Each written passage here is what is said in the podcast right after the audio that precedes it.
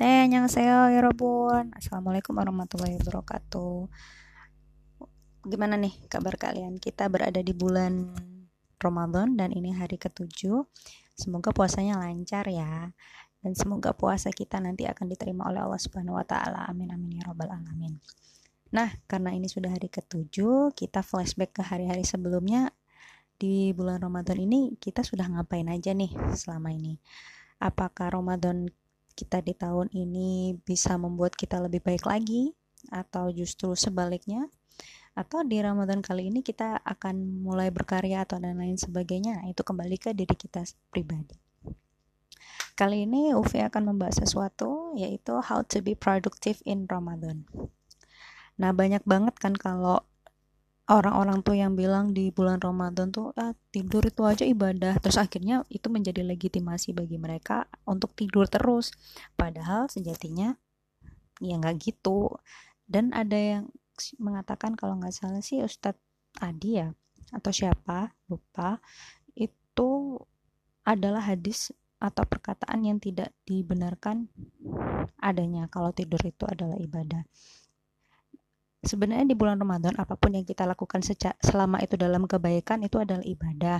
Namun kalau dibuat tidur terus ya jadi nggak produktif don Ramadan kita. Padahal di bulan Ramadan harusnya kita lebih banyak mencari pahala.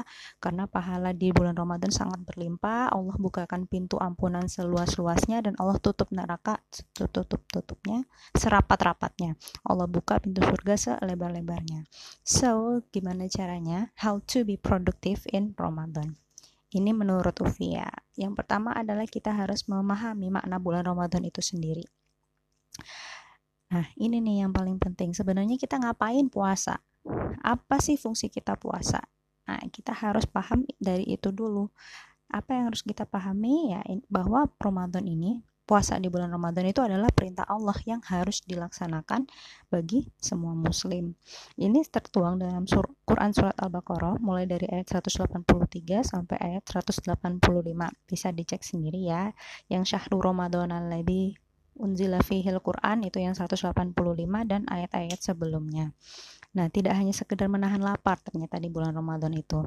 Kita harus mencari ridho Allah di dalam bulan Ramadan. Karena di bulan Ramadan seperti yang Ufi katakan tadi adalah bulan di mana pintu ampunan, pintu maaf Allah, pintu pahala dan itu yang kebaikan-kebaikan kita, tiket-tiket yang mungkin itu ada menuju surga gitu ya, itu dibuka sama Allah selebar-lebarnya agar kita mau mendapatkannya agar kita berusaha untuk mendapatkannya jadi bulan Ramadan itu adalah bulan yang penuh hikmah, penuh rahmat dan penuh dengan kebahagiaan, penuh dengan ampunannya Allah.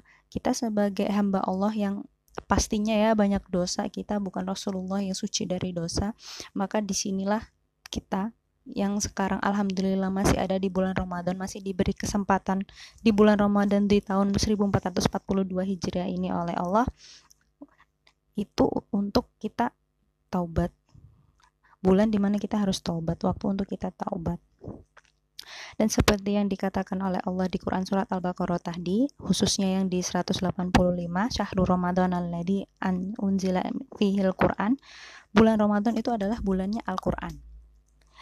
Kalau kita menilik sejarah kembali di ketika kita SD, ketika SMP, SMA dan lain sebagainya selama kita sekolah kan kita ada sejarah ya, sejarah tentang Islam. Bagaimana Quran itu turun di bulan Ramadan yang bertepat yang dijadikan hari nuzulul Quran. Begitu pula ada malam yang sangat spesial Lailatul Qadar di mana kalau misalnya kita beribadah, kita membaca Quran di malam itu itu lebih baik daripada 1001 bulan.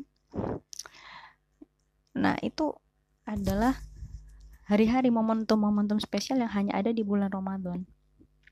Maka ketika kita tidak mengejar itu, sungguh rugilah kita, apalagi kita sebagai seorang muslim. Dan ini nih yang paling penting puasa itu adalah salah satu rukun Islam. Rukun Islam yang keberapa? Yang keempat. Karena kita orang Islam, berarti kita wajib untuk berpuasa. Itu tadi kita harus memahami dulu makna bulan Ramadan. Ramadan tuh nggak hanya sekedar puasa, seperti yang saya sebutkan tadi Ramadan itu bulannya kita mencari pahala sebanyak-banyaknya karena pahala dilipat gandakan karena kita pinginnya masuk surga kan? Masuk surga itu ya dengan cara kita berusaha bagaimana pintu surga itu bisa kita dapatkan bagaimana tiket itu bisa kita dapatkan. Salah satunya adalah dengan mengumpulkan banyak pahala amal dan lain sebagainya terutama di bulan-bulan suci. Salah satunya adalah bulan Ramadan. Dan bulan Ramadan sendiri itu adalah bulan spesial yang Allah kasih. Bulan yang sangat disukai Allah. Nah kalau bulan disukai Allah seperti ini masa kita tidak mau untuk berusaha apa ya caper gitulah ya ke Allah supaya oh ternyata dia hambaku ini sayang banget sama bulan Ramadan aku kasih aja deh tiketnya nah itu tadi jadi ingat ya tidak hanya sekedar menahan lapar itu yang pertama Terus kemudian yang kedua adalah make a plan and target. Kita harus membuat rencana. Rencana apa aja yang harus kita lakukan di bulan Ramadan dan kemudian targetnya. Target apa yang harus kita dapatkan? Ketika kita target dulu ya harusnya. Jadi target itu ketika kita sudah ngedok memutuskan oh aku tuh pingin ini di bulan Ramadan. So kita harus punya plan-plan untuk mencapai dari target itu. Contohnya nih, ah aku di bulan Ramadan pingin khatam dua kali ah. So kamu harus membuat perencanaan bagaimana kamu bisa melakukan khatam dua kali di bulan Ramadan selama satu bulan penuh itu. Oh berarti aku harus minimal berapa juz satu hari atau berapa halaman satu hari atau berapa lembar satu hari. Nah, itu dimasukkan ke dalam perencana-perencanaan yang untuk mencapai target. Atau target lain, oh aku pingin banget deh belajar kajian Islam, aku pingin banget deh lebih mendalami Islam tahun inilah. Kalian buat berarti plan-plannya, oh aku harus ngapain nih untuk belajar lebih baik dalam Islam jadi aku harus nonton video YouTube mungkin, kajian-kajian atau mungkin membaca buku atau berguru kepada orang-orang tertentu. Nah, itu adalah rencana untuk mencapai target kita ingin belajar Islam. Atau dengan atau dengan target eh, aku pengen tahu deh si Nabawi dan lain sebagainya. Nah, itu berarti kita juga merencanakan. Rencana itu sendiri juga butuh jadwal, butuh manajerial waktu. Nah, caranya ya kita rank-rank tuh aku tuh terbantu terbantu banget loh dengan adanya Google Calendar. Nah, di Google Calendar coba deh kalau kalian pengen pakai. Di Google Calendar tuh kalian bisa catat oh hari ini aku harus ngapain? Jam ini aku harus ngapain? Lah itu harus ada struktural supaya kita melihat oh ternyata jadwalku hari ini ini jadwalku hari ini ini. Supaya kita nggak lepas supaya kita nggak keluar dari jadwal kita untuk mencapai target itu sendiri. Jadi target kita yang baik-baik ya tentunya ya jangan target-target yang aneh-aneh kali oh aku pengen kaya aku jadi dengan cara mencuri dan lain sebagainya. Nah itu kan nggak boleh kita tahu sendiri lah ya. Kalau misalnya melakukan hal-hal yang keburukan itu akan berdampak keburukan itu sendiri pada diri kita. Maka buatlah sebuah target yang baik target yang men, uh, target yang membuat kita mendapatkan ridho Allah di bulan Ramadan, kemudian buatlah rencana-rencana untuk mencapai target itu sendiri gitu. Terus kemudian yang ketiga adalah do your plan. Ini yang paling penting. Kalau kita udah buat target, kita udah buat rencana, tapi kalau tidak kita lakukan ya sama aja. Makanya kita harus melakukan target itu. Itulah pentingnya ada jadwal. Kita ada reminder, oh ternyata aku hari ini ngapain nih? Ya, aku hari ini melakukan ini harus kita lakukan saat itu juga. Karena kalau ditunda-tunda akan semakin tidak dikerjakan apa yang akan direncanakan, apa yang kemarin kita rencanakan itu. Aku tuh kalau pakai Google Calendar, dia tuh kan pasti ada notif ya nanti di HP kita atau di laptop kita. Oh, kamu hari ini tuh harus begini. Ternyata, nah itu akhirnya bisa kita lakukan pada saat itu juga ketika kita sudah mendapatkan notif uh, tentang jadwal yang harus dilakukan hari ini. Ingat do your plan karena kalau cuma sekedar rencana ya nggak bakalan jadi-jadi. Allah sendiri kan juga segera ini ya. Uh, Allah itu lupa nih di Quran surat apa bacain terjemahannya aja ya. Intinya kalau kita sudah melakukan satu kegiatan cepat lakukan kegiatan yang lain. Jadi harus ada kegiatan-kegiatan terus di dalam kehidupan kita. Kita harus bergerak untuk mencapai target dan perencanaan yang sudah kita buat. Karena kalau kita nggak bergerak masalah-masalah pada target atau plan itu akan terus timbul di situ. Kita nggak akan pernah berjalan. Kita nggak akan pernah mencapai target kita kalau misalnya kita nggak akan bergerak. Terus kemudian yang keempat adalah istirahat yang cukup. Istirahat yang cukup itu tidak harus berupa tidur sih sebenarnya. Istirahat itu bisa kita merefleksikan, merelaksasikan diri kita. Misalnya dengan jalan-jalan sebentar, ngelihat ijo-ijonya pemandangan dan lain sebagainya itu. Terus apalagi ya baca buku mungkin atau ya tidur ya salah satunya. Tidur pun jangan banyak-banyak. Kailullah aja maksimal 2 1 jam. Kailullah itu tidur siang ya. Kailullah itu bisa dilakukan sebelum sholat duhur atau setelah sholat duhur. Maksimal satu jam. Jangan kita tidur mulai dari habis duhur sampai asar lah. Itu kehabisan banyak waktu kita hanya untuk tidur. Akhirnya nanti malamnya begadang terus sahurnya telat. Nah ini yang salah dalam memaknai bulan Ramadan untuk tidur atau di luar bulan Ramadan bahkan kita kadang melakukan itu ya istirahat yang terlalu berlebihan atau tidur yang terlalu berlebihan. Nah, ini juga perlu diatur istirahat yang cukup. Rasulullah sendiri melakukan kailullah itu mungkin kira-kira sekitar 30 atau ya itu tadi maksimal satu jam. Terus kemudian setelah kailullah Allah Rasulullah itu mulai melakukan kegiatan-kegiatan seperti biasanya ya seperti berdagang terus kemudian melayani rakyat-rakyatnya di pasar di Madinah situ ya.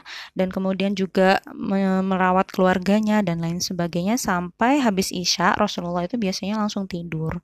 Kecuali kalau di bulan Ramadan ya. Kecuali di bulan Ramadan kan masih taraweh dulu tuh. Nah tapi kalau di hari-hari biasanya habis Isya tuh Rasulullah tidur sunnahnya. Atau kalau ada anu ya rapat gitu. Nah itu baru Rasulullah nggak tidur hanya untuk itu doang. Kenapa kok Rasulullah tidur setelah isya? Langsung ingat ya Rasulullah nggak pernah begadang. Rasulullah itu tidur setelah isya. Karena itu akan membuat Rasulullah bangun di sepertiga malam untuk bermunajat kepada Allah. Ya, kita kan umatnya Rasulullah, masa kita nggak mau mencontoh kehidupan Rasulullah? Itu istirahatlah yang cukup istirahat tadi nggak berupa tidur aja jadi kita bisa santai sebentar maksimal satu jam lah jangan banyak-banyak karena kalau kita keterusan santai jadi kenikmatan santainya di zona nyaman itu terus jadi kita nggak bergerak-bergerak kita nggak akan ke poin tiga nantinya do your plan itu tadi gitu ya. Terus kemudian yang nomor lima adalah jaga asupan gizi. Ini penting banget ketika kita di bulan Ramadan. Mulai dari kita sahur kita lihat gizinya ada apa aja ada vitamin K, ada protein, ada karbo, ada lemak dan lain sebagainya. Mungkin nggak kira-kira gizi yang sudah kita masukkan di saat sahur itu akan bertahan atau membuat kita sehat atau apalagi ya, membuat aktivitas kita jadi positif ketika kita melakukan puasa terus kemudian berbuka. Nah, itu juga perlu jadi acuan sebagai kita untuk bisa produktif di bulan Ramadan. Terus kemudian juga di saat berbuka kita lihat buka puasanya gimana apa berlemak banyak banget atau yang gimana akhirnya kita tidak bisa sholat raweh kita ngantuk. Nah ini kan juga harus diperhatikan maka harus menjaga asupan gizi tidak terlalu lapar ya dan tidak terlalu kenyang. Karena kalau terlalu lapar nanti kita lemes nanti perut kita terus-terusan bunyi guruk-guruk gitu. Atau kalau malah terlalu kenyang kita jadinya ngantuk. Nah itu kan bahaya juga nanti kalau misalnya sholat isya sambil ngantuk atau sholat terawih itu ngantuk malah ketiduran. Dijaga pola makannya juga. Kalau di luar bulan Ramadan ya di pola pola makan kalau kita jaga asupan gizi di bulan Ramadan itu penting banget karena itu tadi itu untuk menjaga produktivitas kita di bulan Ramadan menjaga stamina kita aktivitas kita di bulan Ramadan. Tuh, pilih makanan dan minum yang sehat. Jangan buka puasa dengan es ya kawan-kawan. Pakai air hangat supaya nggak kaget. Tubuh kita kan seharian haus panas di luar terus kemudian tiba-tiba minum dingin. Nah itu tuh bisa kaget. Coba deh kalian searching di berbagai macam media sosial ataupun di apa ya kata-kata dokter di YouTube tuh kan banyak. Kalau misalnya lebih baik itu ternyata pakai air hangat kalau berbuka. Kalau air biasa juga nggak apa-apa terus air hangat tapi ya terus bisa ditambah dengan kurma atau dan lain sebagainya. Yang sehat-sehat jangan yang burger atau apa itu tiba-tiba langsung makanan berat ketika buka. Rasulullah sendiri mencontohkan kalau berbuka itu di, diawali dengan makan tiga kurma dulu terus kemudian minum baru sholat dulu terus kemudian makan. Atau atau bisa Rasulullah itu bisa sholat dulu baru makan. Tergantung kita kitanya sendiri. Intinya jangan terlalu kenyang dulu ketika mau sholat ini tips dari aku sih kalau kita bisa lebih enjoy dalam beribadah tuh mending nggak usah makan yang berat dulu ketika sholat. Jadi kita ngambil-ngambil ringan dulu ketika buka takjil dulu baru habis takjil kita sholat kemudian makan. Makannya pun jangan porsi langsung kalap gitu ya. Biasanya kan kita kayak balas dendam gitu habis puasa seharian udah makan banyak aja enak nih mumpung udah buka puasa besok puasa lagi. Nah itu kan konsep yang salah. Akhirnya membuat kita ngantuk dan kita nggak konsentrasi dalam ibadah. Kita nggak apa ya nggak asik gitu dalam sholat malah nggak khusyuk dan lain sebagainya. Itu tadi 5 tips dari aku untuk produktif di bulan Ramadan. Yang pertama, aku ulangi lagi ya. Yang pertama memahami makna bulan Ramadan itu sendiri. Yang kedua adalah make a plan and target. Buatlah target dan perencanaan untuk mencapai target itu sendiri.